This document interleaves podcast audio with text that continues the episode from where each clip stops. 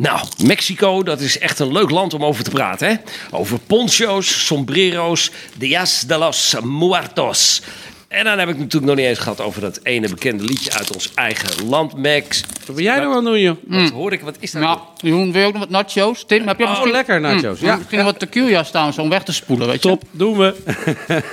Heerlijk. Oh, dat wordt een feestje vandaag. Het, eh, het, het geluid van een nacho, even voor degene die het niet helemaal hebben meegekregen. Ja.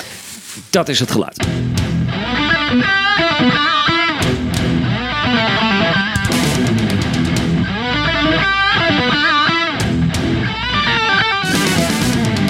Buenos dias bij de podcast van Racing Nieuws 365. Hier moet je zijn om altijd helemaal bij te zijn met al het autosportnieuws. En dit keer maken we ons op voor de race die we ons een beetje hebben toegeëigend natuurlijk.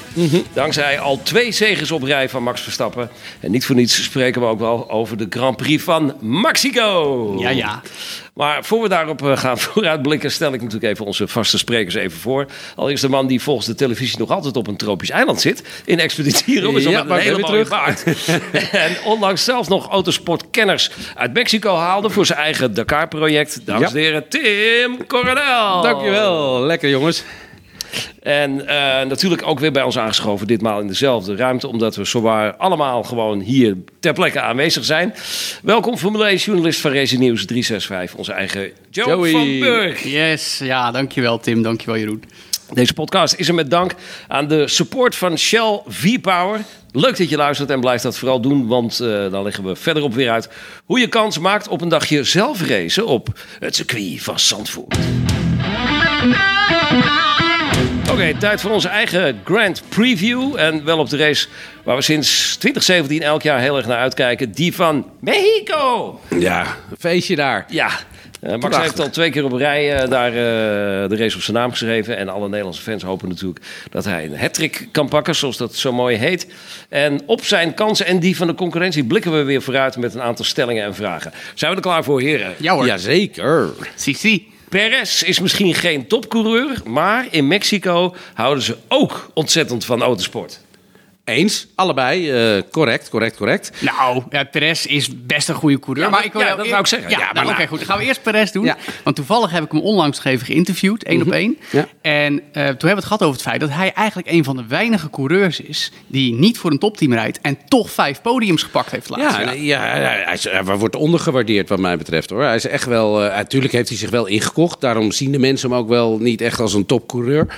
Maar onderweg heeft hij wel belachelijk veel geleerd. Ja, en, hij, geldt als een benchmark, weet je wel. Het feit dat de mensen die naast hem hebben gezeten... Nico Hulkenberg, best aardig. Perez gewoon beter eh, succes gepakt. Eh, Esteban Ocon, ik ben fan van Ocon. Maar er zijn mensen die zeggen, Ocon is hij wel zo goed... want Perez was net zo snel. Eens, Dus eens. Ja. ik vind dat wel leuk. Maar Mexico, jij hebt daar wel een beetje gevoel bij, hè Tim? Ja, ik word gek in Mexico. Ik, eh, da- daar rijden ze natuurlijk altijd de Baja. En ja, ik ben een beetje van het zand. Dus ja, ik, ik ga daar altijd los. Hij is net geweest. En, Leg even uit, wat is de Baja? oh, de Baja, dat is eigenlijk met die hele grote uh, trophy-truck, zoals wij dat noemen. En net zoiets als onze Dakar-auto is, gewoon, eh, eh, is gewoon door Mexico heen crossen. En dat, de Baja 1000 heb je dan, dat is 1000 mijl. Dan heb je de Baja 500, dan heb je de Min 200 en allemaal dat soort races. Ja, daar ben ik helemaal verzot op. En eh, ja, mijn monteurs, twee stuk zijn Mexicanen. Dus ja, harde werkers, leuke mensen. En ja, dus ik, ik, ik heb een warm hart naar Mexico. Ik moet daar zelf ook nog een keer aan deelnemen. En eh, hij gaat zeker een keer afgevinkt worden. Het is wel grappig dat ze daar dan zo'n racecultuur kunnen hebben. Nou, Ja. dat, dat vroeg ik me dus ook af, dat, waar dat eigenlijk allemaal vandaan is gekomen. En eh, ja, dat dat absoluut daar dus wel aanwezig is. Ja, maar Spanje zie je het, Italië zie je het. Een Maar beetje, dat is Europa. Nee, maar is nee, meer een beetje wat meer wat zuidelijkere landen bedoel ik eigenlijk bloed mee. bedoel Ja, een beetje dat Latijns bloed, dat temperament. En eh, ja, dat- die houden van racen. En eh, ja, dat ziet er... eh, Ja, ze zijn op de vlucht voor de DEA natuurlijk. ja, ja, ja, ja, ergens moet het geld heen, hè? Ja, maar we hadden natuurlijk lang, lang geleden, en dan hebben we het echt over de, de jaren 50, de Carrera Panamericana. Weet je wel, die hele lange wegrace, Ja. nog voordat de Dakar een ding was. Ja. Toen ook heel veel dodelijke ongevallen gebeurden. Dat was Ja. dwars door Mexico heen. Ja, nou, eigenlijk, hij eh, eh, vindt nog steeds plaats, maar dan met eh, hysterische auto's, zoals ik dat noem. Of historisch, hoe je het maar noemen wil. Maar, Het gaat net zo vaak stuk. Ja, ja, ja, maar echt, eh, ja, d- die mensen zijn gewoon fantastisch. Hè? Net zoals de Argentijnen. Het is- echt een feest om daar te racen eigenlijk. Want ja, eh, wij hebben dan schaatsen hier. Nou, dat kennen zij helemaal niet. Maar eh, ja, zo, enthousiast is dat publiek daar ook. Maar ze maken er een feestje van. Volgende stelling die ik op jullie loslaat. Max Verstappen geldt ondanks zijn zeges van de afgelopen twee jaar... nu niet als de grote favoriet in deze Grand Prix. Eens, eens, eens, eens, eens. Helaas, met pijn in mijn hart. eh, Pijn in mijn hart. Het eh, valt mij op dat eh, normaal gesproken na de zomersport Red- of zomerstop Red Bull altijd full pool zijn werk heeft gedaan. Maar het valt me een beetje tegen de laatste twee races. En dan heb ik het niet over Max aan zich, maar dan heb ik het meer over de snelheid van de auto, zodat Ja. hij hem eruit kan halen. Dus ja, ehm, ja, of ze proberen de underdog te spelen. Ik durf het even niet te zeggen. Of ze hebben hun geld nu ingezet op de autoontwikkeling van volgend jaar. Ja, ja, ja, ja. Ik, ik, eh, ik, nee, ik zet hem het- niet op één. Het lastige is een beetje, hij is absoluut niet de favoriet, heeft hij zelf ook gezegd. Sterker nog, Ja. Max zei onlangs, als we nog een podium pakken in de komende races, dan mogen we al blij zijn. Ja. Eh, ja, dat is natuurlijk wel jammer, want we hadden veel meer gehoopt. Hij ook. En, en natuurlijk een paar weken geleden, eh, Jos die zich nog een beetje negatief uitlaat over, eh, over Red Bull. En, Ja, of, of, allemaal of, beter Red Bull moet. op scherp zet. Het is Ja, nee, wil. maar Ja. goed, kijk, cause en effect. Hè. Natuurlijk wordt zoiets gezegd om de boel op scherp te zetten. En te zorgen dat het in 2020 dan toch echt wel moet gaan lukken. En het feit dat Mexico inderdaad, Mexico, weet je de race die Max altijd als favoriet eh, is ingegaan de laatste jaren, nu volgens hem niet per se zomaar even de winst gaat opleveren. Maar dan weet hij misschien meer. Hè? Ik bedoel, Ja. in principe de motorverschillen zijn eh, op die hoogte, want Ja. dat is Mexico, die zijn heel erg minimaal. Omdat die, die hoogte qua zuurstof en het vermogen, de, ja, dan wordt de Mercedes is niet daar bij uitstek of de Ferrari niet bij uitstek sterker.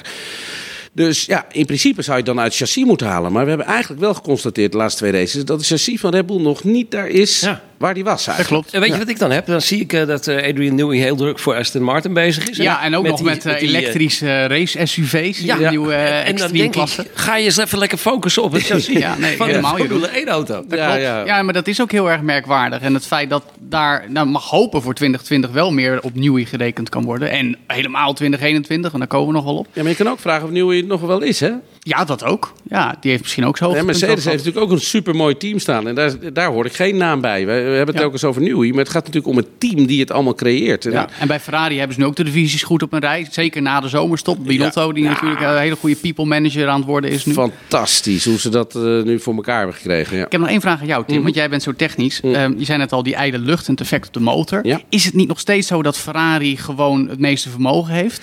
Nou, de vraag is eigenlijk, waar, waar halen ze het vandaan? Halen ze het uit eh, de elektrische eh, push die ze erbij hebben? Of, eh, of halen ze het echt gewoon puur uit de motor? Nou, Ferrari is van oudsher natuurlijk eigenlijk gewoon de beste motorbouwer van de wereld. Ja. Dus ik denk dat het een beetje van beide is. Want zij hebben iets speciaals. Als ik wist wat het was, Ja. dan was ik nu miljonair geweest. Want dan had ik namelijk uitgelegd aan Honda wat het wel was.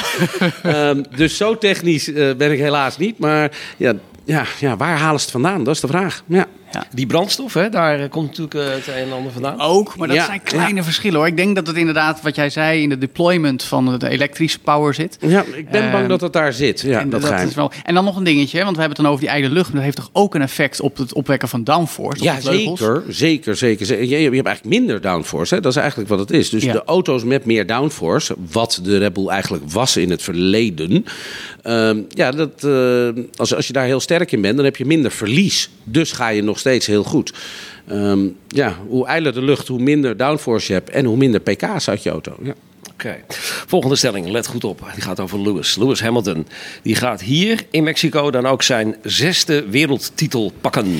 Dat zou je zeggen, maar het is nog niet helemaal done and dusted. Want het eh, puntenverschil... Done and dusted. Ja, lekker Engels. hè. ja, ja. Eh, is nog enigszins groot. Laat het zo zeggen, Hamilton heeft nu 64 punten voorsprong. Mhm. Hij moet er na Mexico 78 hebben om al kampioen te zijn. Nou, dat zie ik niet gebeuren. Nee, Nee, hè? nee, nee, nee. nee. Dus dan zou Bottas echt vierde moet moeten worden. Of, eh, ja. Precies. En eh, het is een beetje mathematisch dan die kans van Bottas daarna nog. Want als Lewis hem niet in Mexico pakt, dan wel in de VS een week later. Mhm. Ehm, maar ik, eh, wat ik eigenlijk interessanter vind, is de vraag of Mercedes nog een beetje kans heeft in deze GP. En of dat denkbaar is dat Hamilton gaat winnen en snelste ronde en op die manier kampioen wordt.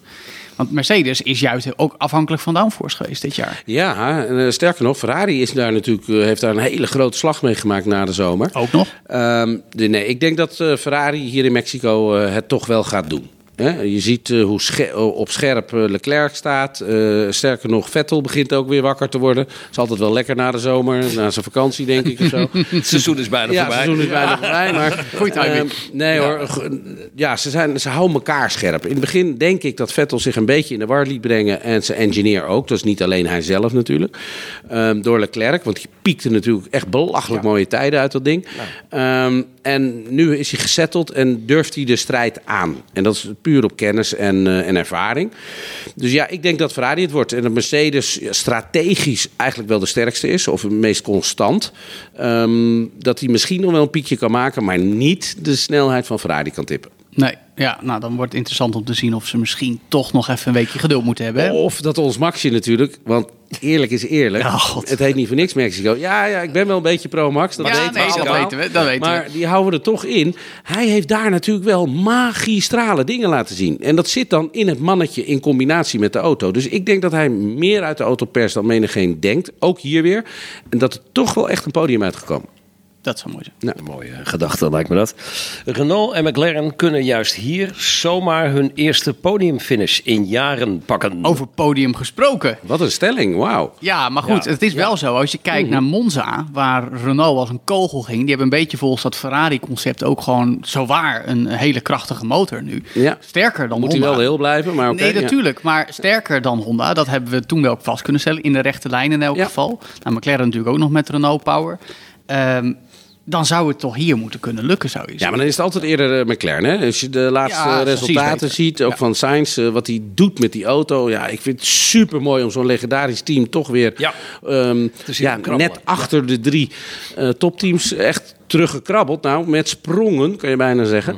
Ja, zou ik eerlijk zijn? Ik zou het, op- ik zou het ze gunnen. Ja. Ja, nee, maar dat, dat, ik, ja, het zou toch wel grappig zijn als we straks Sainz en Max met elkaar om een podiumplek gaan zien. Nou, vechten. dat is niet ondenkbaar, hè, wat Nee, we hè? nu zien. Hè? Ja. Eh, je zag natuurlijk in Japan ook al dat eh Sainz eh, ook belachelijk goed ging. Ja, de McLaren begint gewoon echt een goede auto te, te worden. Al- Als Red Bull die progressie voor volgend jaar niet maakt en McLaren deze lijn wel voorzet, dan zouden we daadwerkelijk situatie kunnen krijgen dat McLaren gewoon met Red Bull gaat vechten. Het hele jaar. Ja, nou, dat weet ik wel zeker. Maar dat is wel even heel pijnlijk voor Max als dat daadwerkelijk zo doorzet. Ja, ja, dat, nou ja, voor de keuze die hij heeft gemaakt. Maar ja, Ja. welke keuze kan je maken hè, in Max' situatie?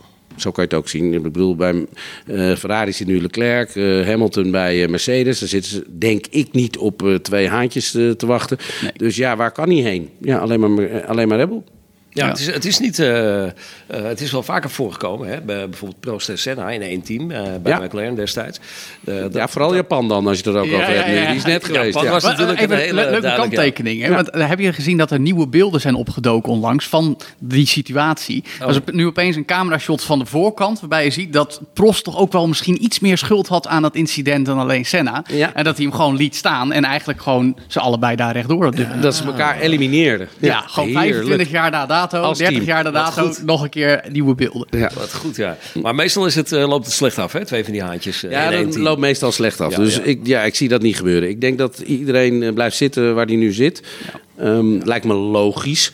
Ehm, ja, nu zorgen dat het engineering-wise vanuit Red Bull en McLaren en Renault een klap beter gaat. Eh, en dat het weer spannender wordt. Ja. Jensen Button heeft volgens mij gezegd dat eh, Max waarschijnlijk de snelste coureur is in het hele Formule 1. Ja, dat is wel grappig. want- Sneller dan Lewis Hamilton. Dat klopt. Butter kwam tot, die, eh, tot die, die verklaring omdat hij zowel met Jos als met Sophie, natuurlijk de, de, de moeder van Max, gereisd heeft. Mhm. Ook nog wel wat grappige anekdotes, maar dat hij ook zei, ja, fantastisch dat die twee ooit een baby hebben gemaakt. Dan heb je echt de twee snelste Ja, poelen ter wereld. Dat dokter... heeft, Jensen het ook geprobeerd bij Sofie dan? Nou, nou, dat is grappig dat je het zegt, want Jensen zei nog van... eh, ik heb een keer meegemaakt dat eh Sophie zich aan het omkleden was... en dat ik opeens de tent binnenliep en dacht... oh, wacht eventjes, eh, jij hoort bij Jos, toch? Ja, oké. ja. Dus heeft hij wel eventjes goed opgelet dat hij de andere kant op keek. Nou, ik snap wel dat hij dat zegt. Ik bedoel, eh, eh, ja, maar ik denk dat we als Nederlanders apetrots kunnen zijn wat, eh, wat er staat als product Max. Ja, en, maar ook als mens zijn. Niet alleen op Ja. snelheidsgebied, maar ook als mens. Ja. Ja. Volgende stelling, daar komt hij high vast. Het is crunch time voor de nieuwe Formule 1 regels van 2021. Maar eigenlijk willen Ferrari, Mercedes en Red Bull dat er niks verandert. Ja, Dat is de rare, maar ware situatie. Ja, dat is ook wel logisch, want zij zijn op dit moment natuurlijk in het voordeel met de huidige Ja, dat klopt. Maar ja, de afgelopen week was er nog topoverleg in Parijs. Dat toch echt voor 31 oktober duidelijkheid moet zijn of die hele andere Formule 1 auto's met meer eh, eh, ground effect, dus eh, zorgen dat er minder verstoorde lucht is, dat er makkelijker ingehaald kan worden. Maar ja, dus ook meer gelijkheid, meer dezelfde onderdelen. Of dat allemaal dan gaat gebeuren of niet. En het raar is ook om terug te komen wat wij net zeiden, Tim. Het feit dat Ferrari dat voordeel heeft met die motor. Er zijn geluiden die zeggen de reden waarom Red Bull en Mercedes daar geen onderzoek naar willen laten doen, is omdat Ferrari een vetorecht heeft. Die kunnen voorkomen dat die nieuwe 2021-regels Correct, komen. ja. En dat ze dan maar met elkaar samen klikken. Zo van, wij, wij, oké, wij zeggen niks, maar dan gaan we wel met elkaar samenwerken om te voorkomen dat de sport in ons nadeel verandert. Ja, het is natuurlijk een politiek spel. En allemaal lobby en, en, en hoog eh, gebeuren. Ja, Formule 1 is wel Formule 1. Ehm, maar voor de sport denk ik dat het gewoon... ehm, de gelijkheid hoeft er niet te zijn. Dan moet je maar gewoon harder werken. Ik denk dat ik wel achter de coureur sta met... eh, jongens, dan moeten jullie maar gewoon meer eh, creëren. Maar, maar Tim, dit, dit wordt toch ook al jaren gezegd, eh, eh, zeg maar, in, in de overleggen tussen alle verschillende teams. Dat ze roepen, eh, we moeten meer gelijkheid, de Nou, kosten waarom moeten ze dat eigenlijk zeggen, is gewoon puur om de kosten naar beneden. Hè? Ja. Ik bedoel, Formule 1 is gewoon poen verdienen. En, en daar zitten eigenlijk alle teams op. Maar het gebeurt nooit. Eh, Uiteindelijk komen ze toch eh, op Nee, een situatie alle maatregelen om de kosten te drukken worden nu weer van tafel gelegd. één worden voor één. Ja, één voor één, rustig. Ja. Maar dat zijn dan vooral de, de, de teams die, die veel geld hebben, die, die daar toch wel wat meer in te, te brokkelen hebben. En het Ja. is natuurlijk ook heel moeilijk om ehm, die regels erin te brengen. Want dan haal je wel de, de, het DNA uit de Formule 1. En dat, Ja, dat willen ze ook niet. Ja. Nee, Ja. daar Ja. valt wat voor te zeggen, zeker. Ja, ja. Oké man, dan wil ik weer wat harde voorspellingen horen voor eh, de komende Grand Prix. Tijd voor coureur versus kenner. Haha. Zitten jullie goed? Ja, hoor. Eerste vraag. Wie pakt pole position? Leclerc. Hij is heel duidelijk. Alweer? Ja, joh, die gozer die zit, op scherp. En ik vind het magisch mooi wat hij laat zien. Ik zeg Vettel. Jezus, wat een zeven. Ja, maar ja. Ja. Nee, maar kijk, het wordt een Ferrari. Dat weten we nu. Ja. Ferrari is, Ja, ja, is gewoon wel king nu met die ja. motor. Eh, maar ik zeg Vettel. Vettel is gewoon weer eh, aan het opkrabbelen. Hopen dat hij het volgend jaar kan In volgen. vorig jaar kwalificatie. Hoe, eh, Max en Daniel, weet je nog? ja, de ja, ja, ja, frustratie. ja, ja, maar daarna, qua Ferraris. Maar dat was, dat niet. was, Daar een was Leclerc er niet, hè? Nee. Maar mijn vraag was, waar was Vettel nou? Ja, ja, ja, Ja, Ik weet alleen nog dat een paar jaar daarvoor dat hij heel erg aan het klagen was over de bordradio richting Weile Charlie Whiting. Omdat Ja. Max en Daniel. Ja, dat middelvingertje waren. zoiets. Ja, Ja, ja. nee, ik heb nieuws voor Charlie. Ja, Piep die. Charlie. Dus wat dat betreft heeft Vettel in Mexico ook wel een onuitwisbare indruk achtergelaten. Al. Wat wordt de top 3 in de race? Leclerc, Hamilton, Max. En waar Vettel eh, die... eh, Nee, ja, ik ben niet zo'n Vettel fan, dus eh, dat is niet zo moeilijk. Ja. Ehm, ik zeg Vettel, Leclerc, Hamilton.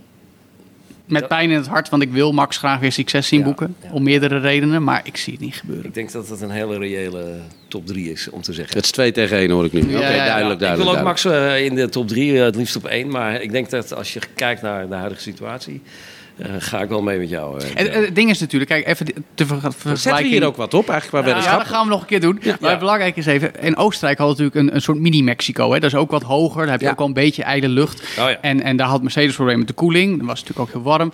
En, maar toen was dat nog, weet je, dat was halverwege het seizoen. Ja, toen dat kon Red ze Bull... nu op natuurlijk, ja. Precies. Red Bull kon daar toen nog van profiteren. Nu in Mexico zijn we eh, behoorlijk wat verder en heeft de concurrentie niet stilgezeten. Nee. En wie valt er als eerste uit? dat is mijn Ja. favoriete voorspelling. De, de dit. kunst is om niet Grosjean te zeggen, hè? dat hebben we wel vastgesteld. Nee, ja, ja. Jij zit altijd aan de zeven kant, dus ja, Nou. jij moet Grosjean zeggen, dat kan niet Nee, anders. nee, nee, nee, nee, nee, nee. Eh, ik vrees weer Kubica, want die wordt gewoon keihard gepakt bij Williams op het moment. Oh ja, nog steeds? Denk je ja, nog steeds? gaan die, die gaan eh, er gewoon weer kilometers ontnemen. Dat is zo eh, geknald. Ja, dat is heel moeizaam om te zien. Hoe, hoe, hoe is dat ontstaan? Nou ja, gewoon weet het je feit dat, dat, weet je, die, die, die deal die is voorbij. En Williams wil elke euro die ze kunnen besparen, besparen. Nou, dus, willen, moeten, ja. Ja, ook dat nog. Dus eh, dat is al, al een beetje geknald de laatste paar GP's. Dat Kubica minder kilometers mocht maken, niet met nieuwe onderdelen mocht rijden. Dus wat dat betreft... eh, Ik denk dat Ricciardo als eerste uit gaat vallen. Ik denk dat er een vorm van eh, frustratie tot stand gaat komen daar. Want, ja, want daar is hij altijd bij de, om de eerste plek aan het strijden. En nu lukt hem dat niet. En dan en gaat hij dingen forceren en risico pakken. Ja. Overigens eh, een, ad, eh, een eh, dingetje, een tip. Die eh, documentaire over Williams op Netflix. ja, Die is mooi, hè? Die is geweldig. ja. Shit, die heb ik Ja. helemaal nog niet gezien. Check it out. Ja. Het echt, echt een moeite waard. Het je- familiebedrijf Williams. Precies, en als je die gezien hebt, dan heb je zoiets... wauw, het zou toch wel gaaf zijn als ze toch eventjes wat meer geluk zouden krijgen. En wat, wat, Ja, een beetje de kant van McLaren op en Ja, dat ze even ja, sprongen ja, kunnen ja, maken naar boven. wel. Want het, Ja, er moet er nog wel een hoop veranderen daar. ja. Weet je het als luisteraar beter? Vergeet niet dat je tijdens elke Grand Prix eh, zelf kan meedoen aan de voorspelgame op onze site. En dan maak je ook eens kans op mooie prijzen. Nu dan tijd voor de Shell V-Power vragenronde. Daarin bepaal jij, een luisteraar en Formule 1-liefhebber... waar we het in deze podcast over hebben. Laat elke week je vraag achter op de website van Racing News 365... of reageer op onze social media kanalen. Dan leggen we de leukste voor aan een van de coronels... of aan onze wandelende Formule 1-encyclopedie Joe. Yep. nou, dan gaan we weer. De eerste vraag is van Hugo van Nassau. Eh, ik weet niet of daar nog oranje tussen moet. Maar Ja, mooi. Het is... eh, Neefje of zo. een verder neef, de arme tak. Eh, komt via de website binnen. Hoe kan een brandstofleverancier ervoor zorgen... dat er meer vermogen uit een Formule 1-motor wordt gehaald? Ja, dat vind ik nou leuk dat die vraag komt. Want een tijdje geleden hadden we nog een interview met Guy Lovett. Dat is de Motorsport Technology Manager van Shell. Die werkt dus nauw samen met Ferrari. Die vertelde ook, nou, dat is een continu ontwikkelproces. We hebben 50 engineers in Hamburg zitten. Die werken nauw samen met in Maranello. Het gaat echt om kleine details erbij. Elke aanpassing in de motor, nieuw onderdeel. Daar worden weer wijzigingen in het brandstofmengsel eh, uitgevoerd om het optimale resultaat te behalen. Eh, en wat overigens wel zo is, dat weten een heleboel mensen niet. Je mag maar maximaal vijf brandstof-upgrades per jaar doen. Want het moet allemaal gehomologeerd worden. Ja. Dus de, de, de, ja, die mogelijkheden om extra vermogen op te wekken, die zijn beperkt. Eh, Maar zo gebeurt dat dus. Dus eigenlijk gewoon constant ja, chemische processen ontwikkelen. En kijken wat er met andere toevoegingen toch weer voor nog meer power kan zorgen. Ja, dat dat- doet Ferrari en ja, Heel goed. Ja, dat doen ze natuurlijk op het gebied van koeling, eh, lucht, eh, betere verbranding, een betere explosie, zodat eigenlijk de motor eh, wat meer eruit komt. En ja, dat is een continu proces. Dat, Ja. dat blijft maar doorgaan. Maar- Maar, sterker nog, ik denk dat misschien ook wel dat dat wel bepalend is op de verschillende circuits welk chemisch proces ze hebben. Ja. Ehm, ik ben niet zo erg in de regels gedoken. Mogen ze op verschillende circuits verschillende mengsels gebruiken eigenlijk? Vijf keer dus. Ja, nou ja, vijf keer mag je veranderen. Er zijn natuurlijk wel bepaalde regels waar ze aan moeten voldoen. En het is ook zo, dat liet Guy nog zien, eh, dat ze echt daar een trackside lab hebben om na elke sessie te kijken hoe komt het eruit en komen er geen eh, onverwachte eh, situaties tot stand. Dus eh, die of ongunstig zijn voor het vermogen of die misschien tegen de regels in zouden kunnen Ja, gaan. Zodat ja. ze dat op het juiste moment kunnen checken. Eh, dus daar wordt wel heel nauw naar gekeken inderdaad. Om te voorkomen dat er dingen gebeuren die niet mogen. Maar toch eh, is dat de laatste tijd heel erg hot, die brandstof. Hè? Ja, Nou, ik had het idee dat het heel lang niet mocht, of bijna niet mocht. Nee, maar het is juist omdat die motorontwikkeling de laatste jaren een beetje heen en Op weer geschommeld is. is. Ja, op end weet- eigenlijk. Nou, dat Ja. ook. Want een paar jaar geleden die tokens, dat ze alleen bepaalde onderdelen mochten doorontwikkelen. Nu is het gekoppeld aan die gridstraffen, weet je wel. Je mag wel nieuwe motoronderdelen, maar dan word je terug op de grid gezet. Er wordt ook nu nog gesproken om weer eh, een, een freeze van engine-ontwikkeling te doen. Dus dat betreft eh, gebeurt er van alles. En juist ook met brandstof om daar toch weer kleine voordelen te behalen. opvallend. Oké. Vraag van X1999 via de website is die binnengekomen. Eh, hoe is het om in de Dakar een nacht door te moeten brengen in de woestijn als je problemen hebt met de auto? Wat een goede vraag. Goede vraag, hè? Ja, Ja, ja, hoe dat is. dat- ja, eigenlijk, eigenlijk is dat magisch. Het klinkt heel Ja. raar. Ehm, je zit natuurlijk te balen, want je hebt een technisch mankement. En je moet misschien wachten op een truck. S'nachts kunnen ze niet bij je komen. Want in het donker ga je niet door de duinen in principe. En, en dan lig je daar onder die sterrenhemel. En dan, ja, dan, dan komt bij mij eigenlijk het hele jaar langs. En vaak even met Tom, ja, een beetje gewoon over het leven ga je het dan hebben. En je, je graaft jezelf in onder de auto. Ik, Ja. daar ga ik altijd slapen. ook eh, om je heen? eh? Nee, nee, nee. nee. Oh. Ik gewoon... eh, Je ik best ga- uh, Er nare komt beesten hoor met in de uh, terug in de bivak. Nee, ze willen mij nooit hebben. Dat, dat eh, was ook duidelijk met Robinson. Ja, maar je hebt ook nog andere beesten, hè? van die hele grote Ja, ja, ja. spinachtige De happers. spinachtige, eh, je hebt uh, geloof ik Schorpioenen. allemaal ja, dat ja, soort ja. dingen.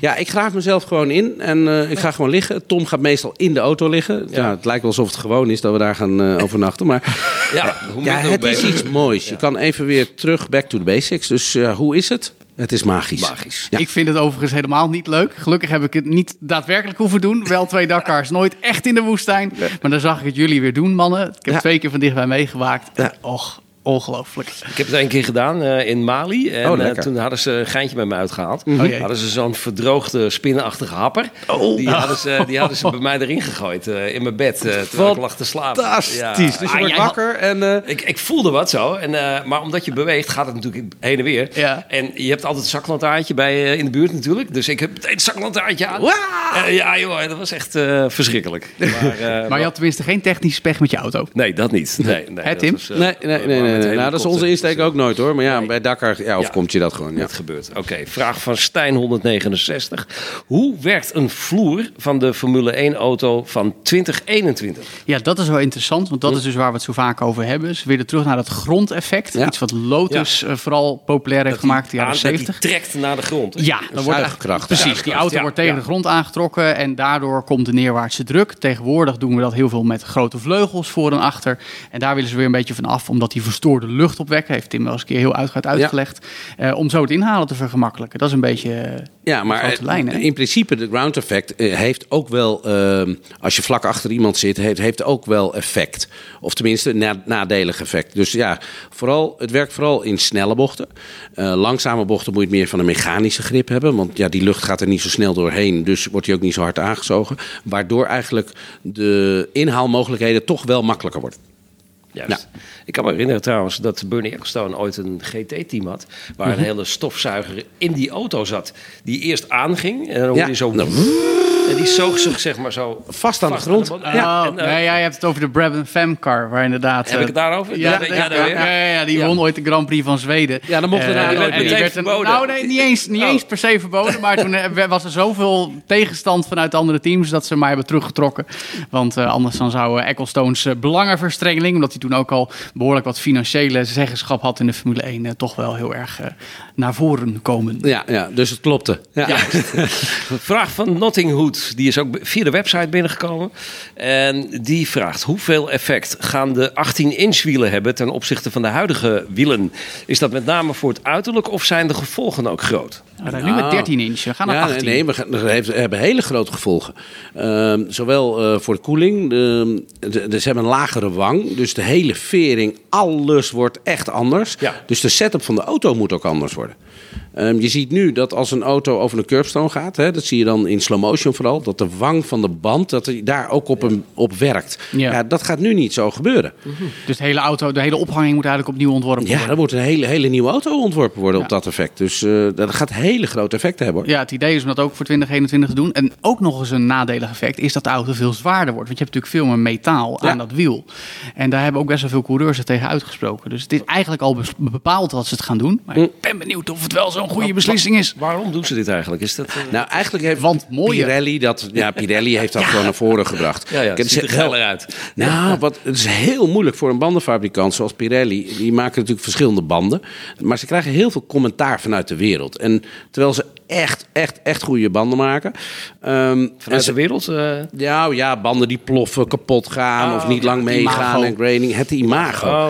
Dus zij hebben ook wel een klein beetje aangegeven... jongens, maak het ons iets gemakkelijker... zodat wij ook kunnen meedenken in dit verhaal. En dat kan je eigenlijk doen met een, met een lagere wang. En eh, ja, dan kan je heel makkelijk met eh, compound werken. Ja. Dus dan hoeven we geen ploffende banden meer te zien. ja, ja, precies. Oké. Al die krachten die op die zijwang komen, dat is Ja. een heel dun, flinterdun dingetje.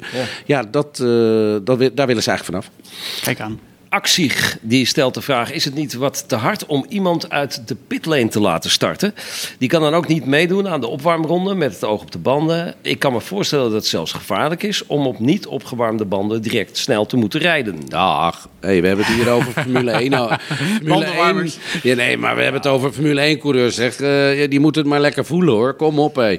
Ja, dat, dat is hoe ik het zie. Het is wel grappig dat je het zegt. Want er is nog gesproken om bandenwarmers weg te halen in de Formule 1. Daar hebben ze nu weer van tafel Ja, geveegd. maar dat is onmogelijk mogelijk, ja, met deze banden. Precies. Nou ja, misschien dan wel met die 18 inch. Dat was ook nog besproken. Nou, nee, nee, nee, nee, nee, nee. nee. Dus het blijft nog steeds onmogelijk. Echt, echt, je wil een eh, gelijke temperatuur in de band hebben. Anders heb je alleen de bovenkant eventueel. En nu zijn ze helemaal door en door warm. Het, het is echt onmogelijk om dat eh, te creëren. Je ziet, eh, of je zag eigenlijk hoe moeilijk eigenlijk ook de topjongens het allemaal hadden en hebben. Ehm, dus nee, hou alsjeblieft die banden warm. Is, ook meer begrijpelijk voor de ontvanger, de kijker eigenlijk. Ja. Maar je zegt eigenlijk eh, moet je als coureur daar zo rekening mee kunnen houden... dat ook al zijn ze koud, dat je er nog steeds mee kan sturen. Of is dat gewoon echt... Om... Nou, de verleiding is gewoon heel erg groot. Hè? Dat zag je natuurlijk ook aan, zie je altijd in de kwalie, dat ze dan even spinnen of dit of dat. De verleiding is er, dus je, dus je gaat het gewoon proberen. Ja. Maar het is gewoon heel moeilijk om dat echt aan te voelen. En wie ja, daar wel heel krachtig in is, is ons Maxje hoor. Ja, Eh, ja. ja dus de, de banden whisperer, toch? Ja, ja, De ja, ja, ja, ja, ja, wordt hij genoemd, ja. Goed, ehm, Tim, misschien wil jij twee kaartjes weggeven voor Karten aan de leukste Ik heb zo'n idee. Ja, ja, ik weet Ja, het. ik- Het is die X die eh, over Dakar eh, Ja, vragen had gesteld. sorry, ja. maar dan ben ik gewoon chauvinistisch. X 1999. Ja, die ja. Ja, dank voor de vragen. Blijf ze vooral sturen. En tijd voor nog wat wijsheden over de Formule 1. Want daar speelt natuurlijk weer genoeg. Net hadden we het al over het eh, topoverleg rond de toekomst van de sport. En achter de schermen is natuurlijk nog meer gaande. Joe, eh, misschien kun jij ons vertellen wat we verder nog moeten weten over de gekke wereld van de Formule 1. Ja, nou dat is wel interessant. 2021 hebben we nou de laatste tijd wel genoeg over gehad. Hoewel dat is natuurlijk wel het talking point waar we volgende week ongetwijfeld op terug gaan komen. Maar nog even iets anders, namelijk het Red Bull opleidingsprogramma. Die hadden nog geen half jaar geleden een nieuwe Mexicaanse coureur, Patricio Ward. Die rijdt in de IndyCar. Eh, die zou het moeten worden. Die zou zelfs Formule 1 mogen kunnen gaan doen. En die is er nu alweer uitgegooid. Oh. Heeft al een tijdje Super Formula gereden. Drie races de tijd. Het viel tegen en hij zit er niet meer bij. En wat ik dan een beetje raar vind. Red Bull heeft nog best wel wat jonge coureurs onder contract. Maar niemand die echt de nieuwe Vettel of Verstappen zou moeten worden. En dan heb ik het idee dat het levenswerk van Helmut Marko wel een beetje aan zijn faillissement begint te komen. Nou ja, misschien gaan ze wel te veel naar links en naar rechts. Hè? Zo kan je het misschien ook zien. Ehm, ik denk dat er wel coureurs eh, zijn die daar thuis horen. Alleen ja, passen ze in dat plaatje? Dat is dan de volgende Ja, maar het is ook die hele harde aanpak van Marco. Hè? Van eh, gooit ze in het diepe en alleen als ze blijven drijven, dan zijn ze goed genoeg. We is gaan niet- ze niet helpen om ze te laten Dat is niet ontwikkelen. helemaal eerlijk tegenwoordig. Maar ehm, ik snap zijn filosofie wel erin. Ehm, maar ik denk dat het nu ook wel een beetje een valkuil voor hem aan het zijn is. Ja. Ja, maar zo gaan ze dus ook nooit een nieuwe Max echt vinden. Want ze blijven nu ook met Nou ja, doorwisselen. Albon, kijk, die in principe maar hebben net. zij Max niet gevonden. Is Max naar hun gegaan. Hè? Ja, nee, dat dus in klopt. dat verhaal, eh, Max was er al. Ehm, Max komt niet echt uit hun programma. Nee. Het moet natuurlijk een learning programma zijn. En, ehm, dus als ik hun was, zou ik toch maar eh, wat loyaler zijn naar hun rijders. Ja. Ja.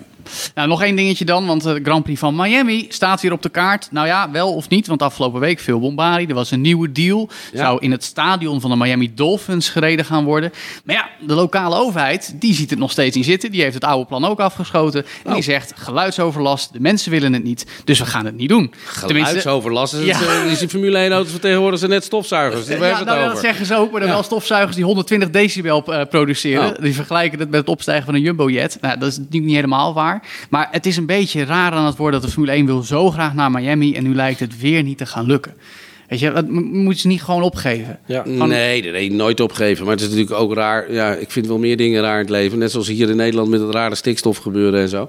Eh, ik denk dat we als mensen een beetje door aan het slaan zijn. Ze moeten niet vergeten dat uit de Formule 1 heel veel ontwikkeling komt... die uiteindelijk in onze eigenlijk auto terecht, of eigenlijk die in onze auto terechtkomen, waar we heel veel profijt van hebben als mens zijnde. Dus joh, laat die paar druppeltjes op die gloeiende plaat, laat die alsjeblieft doorgaan. Ja. Nou, Ja, Nou, hopen dat het wel nog lukt voor de Formule 1 in Miami. En anders moeten ze maar een andere nieuwe GP's gaan kijken. We krijgen natuurlijk volgend jaar al Zandvoort en eh, Vietnam erbij. En eh, daarna moeten we maar weer zien wat er nog meer voor uitbreidingsmogelijkheden zijn. Muchas gracias, Joe. En natuurlijk kun je elke dag meer nieuws over Formule 1, de MotoGP en de wereld van de racerij volgen op onze website. Oké mannen, de finish van deze podcast is alweer in zicht. ja, ik zie de vlag. En denk eraan om straks even goed in jullie agenda te kijken. Want aanstaand weekend wordt er weer op heel andere tijden geraced dan we normaal gewend zijn. Check racingnews365.nl voor het overzicht van alle trainingen, de kwalificatie en natuurlijk de race op zondag. Tim en Joe, wat gaan jullie de komende dagen doen? Tim, ik begin even bij jou. Ehm, ik ga lekker aan de Dakarbuggy ga ik, eh, knutselen. En ik ga Ja. nog even met de Gup. Het is nu vakantie, dus ik ga met de Guppen lekker even naar Disneyland in Oh, Parijs. leuk. Dus eh, ja, een beetje familiair en eh, hard werken. Hartstikke goed. Nou, ik ben aanstaand weekend bij Ziggo GP Live. Daar gaan we de Grand Prix van Mexico weer met 10.000 mensen in de Ziggo Dome volgen. Dat is Oh, ook wel super. speciaal. Dat was- mooi, zeg. Eh, Voor toen Oostenrijk was het natuurlijk fantastisch. One hit wonder zou ik maar zeggen. Of eigenlijk niet, want tweede keer op rij dat hij hem won. Maar wel heel gaaf en onverwachts. Eh, dus ik ben heel erg benieuwd. En dan gaan we daar weer een e-battle doen natuurlijk. En voor de rest het nieuws op Race News 365 natuurlijk weer bijhouden. Het hele weekend lang. Lekker. Ik ben weer te horen elke dag van 7 uur op Radio 5. Ik doe ondertussen een cursus onderzeeboot aanduwen. Wat? En- oh, tell me. Ja, het is een nieuwe klasse in Ja. de Olympische Spelen. Mooi. Ehm, dit was hem weer de podcast van de Racing News 365. Dank dat je weer luisterde. En vergeet vooral niet om je te abonneren op deze podcast via Spotify of Apple Podcast. En laat er ook even een recensie achter, want dat vinden we wel zo leuk. En Yes. tot slot natuurlijk, deze podcast wordt mede mogelijk gemaakt door Shell V-Power. En neem vooral een kijkje op racingnews365.nl slash Shell V-Power. Want als je je daar aanmeldt, maak je kans op je eigen race experience op circuit Zandvoort. Maak er weer een geweldige raceweek van en tot de volgende podcast. Tot de volgende. Yo, yo. Doei doei.